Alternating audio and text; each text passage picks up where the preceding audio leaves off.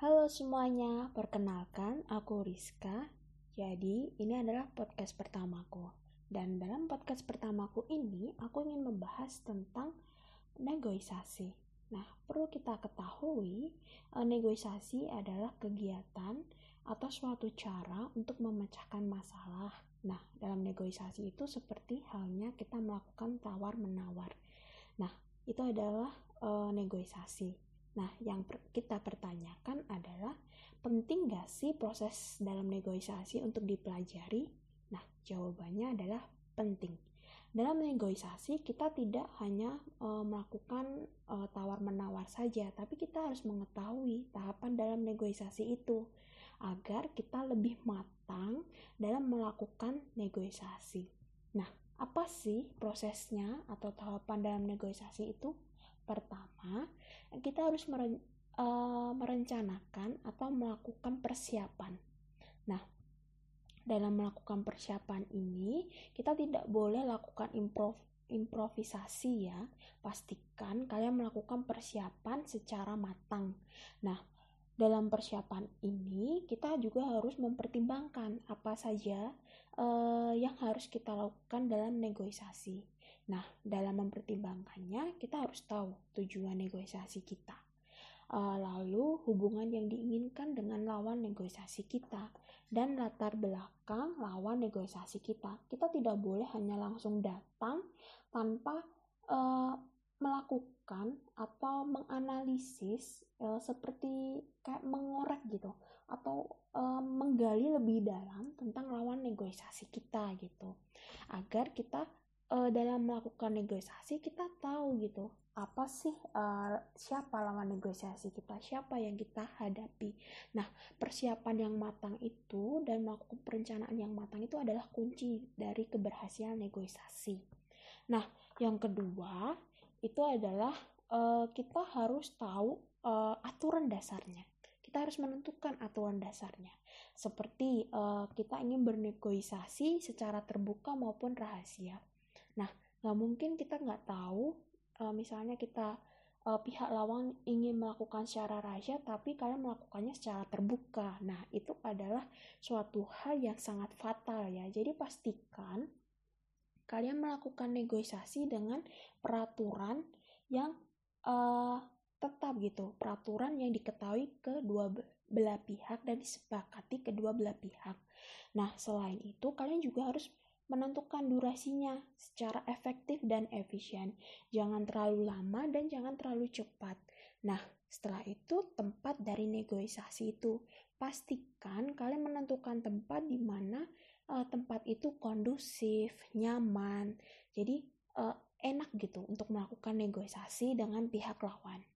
Nah, terus dalam melakukan uh, dalam melakukan uh, ini atau aturan ini, pastikan kalian mengirimnya dalam sebuah surat resmi atau um, mengirimkannya berupa email gitu.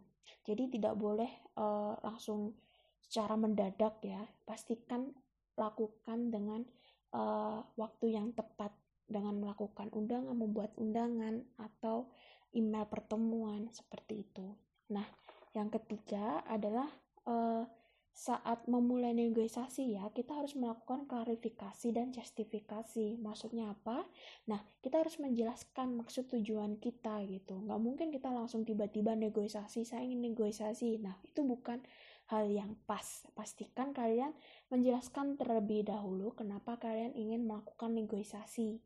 Uh, tujuan kalian apa? Jadi seperti pembuka, pembuka awal gitu sama halnya seperti kalian memperkenalkan diri. Nah, di dalam negosiasi ini kalian memperkenalkan tujuan kalian. Jadi uh, menyampaikan alasan gitu.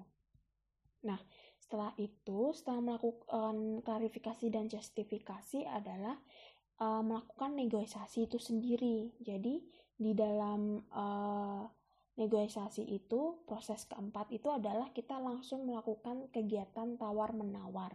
Pastikan dalam bernegosiasi itu kita e, menciptakan suasana yang kondusif ya dan ketenangan serta e, perhatikan attitude. Nah, itu penting. Kalian harus menggunakan bahasa yang sopan dan santun serta bersahabat dengan pihak lawan. Jadi, pastikan kalian tetap tenang dalam bernegosiasi.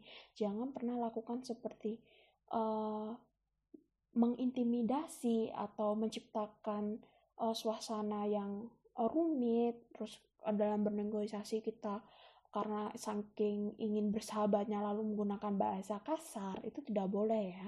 Kita harus tetap menghormati pihak lawan. Nah dalam meng, uh, ini adalah menghormati itu adalah poin penting.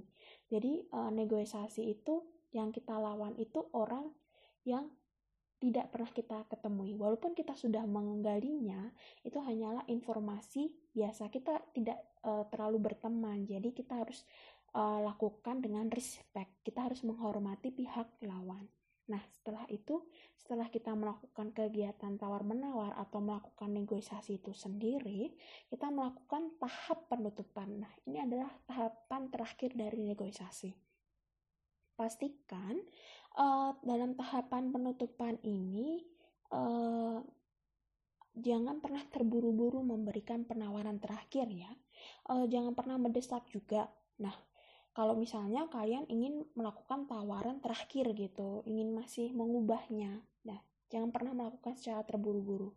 Selain itu, eh, kalian harus membuat notulensi poin-poin penting yang telah disepakati.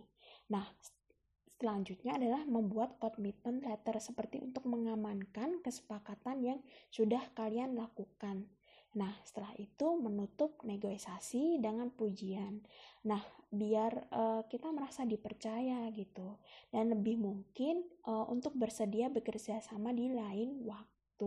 Nah, jika kalian bisa menguasai tahapan atau proses negosiasi itu, kalian pasti dengan mudahnya bisa melakukan negosiasi itu. Jadi pastikan kalian menguasainya ya, karena ini tahapan penting untuk melakukan negosiasi. Jadi ini adalah uh, pembahasan dari saya. Uh, terima kasih telah mau mendengar, mendengarkan ya, maaf. Jadi terima kasih banyak. Dadah.